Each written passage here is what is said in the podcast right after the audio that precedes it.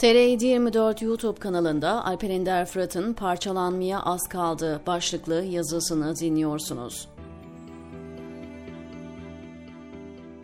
Türkiye'ye gezmek için gelmiş Faslı turist bir kadının Türkler dünyanın en büyük ırkçıları, Türkiye'ye gelmeyin deyip hüngür hüngür ağladığı görüntüleri izleyince 10 sene önce iktidarın dilinde dolaşan Neo Osmanlıyız şarkıları geldi aklıma. Bu görüntü bize fetih rüyası diye yutturdukları şeyin nasıl bir bozgun olduğunu da gösteriyor.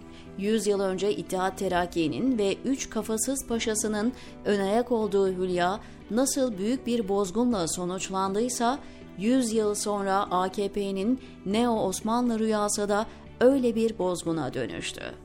Hatırlayacaksınız görünüşte Büyük Osmanlı'yı yeniden diriltme amacıyla İttihat Terakki önderliğinde çıkılan yolda mesela o üç kafasız paşadan biri olan Cemal Paşa, Arapların ruhen Osmanlı'dan bağını koparması için her türlü kötülüğü yapmıştı Orta Doğu'da.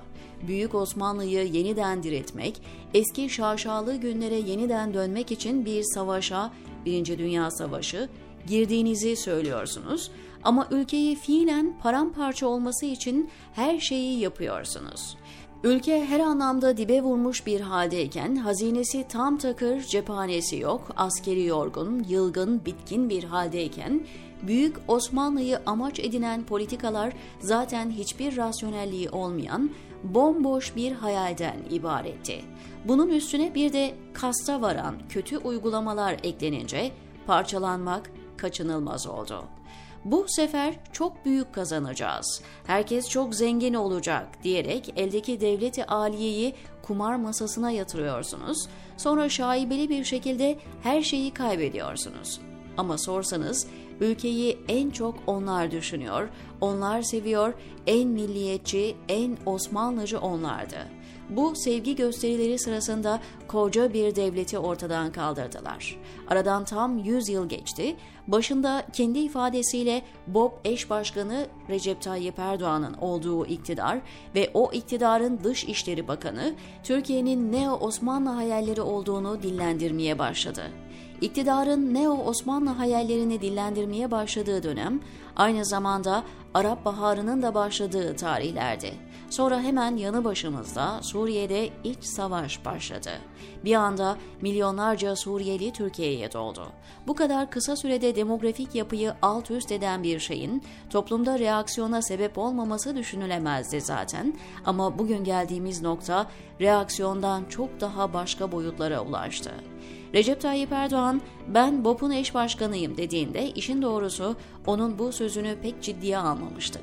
Ancak geldiğimiz noktada olağanüstü beceriksizliklerine rağmen iktidardan bir türlü gitmiyor olması ve onun politikaları sayesinde Türkiye'nin hem İslam dünyasında hem Batı toplumlarında bir nefret objesine dönüşmesi Erdoğan'ın BOP eş başkanlığı konusunda ciddi olduğunu gösteriyor.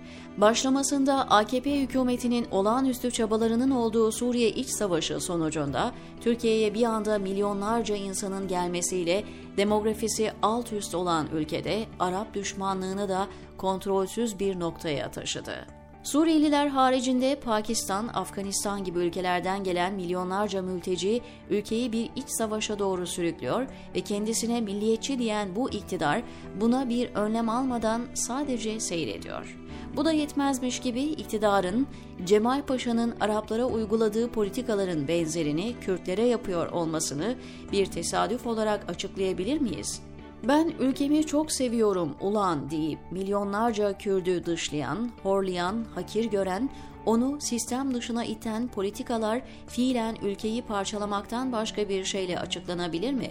Bir taraftan ülkenin hazinesini hortumlayarak ekonomik iflasa sürükleyen, bir taraftan Kürtleri tekmeleyen, bir taraftan milyonlarca yabancıya ülkenin kapılarını ardına kadar açan 15 Temmuz iktidarı konuşurken Türkiye yüzyılı masalını anlatıyor.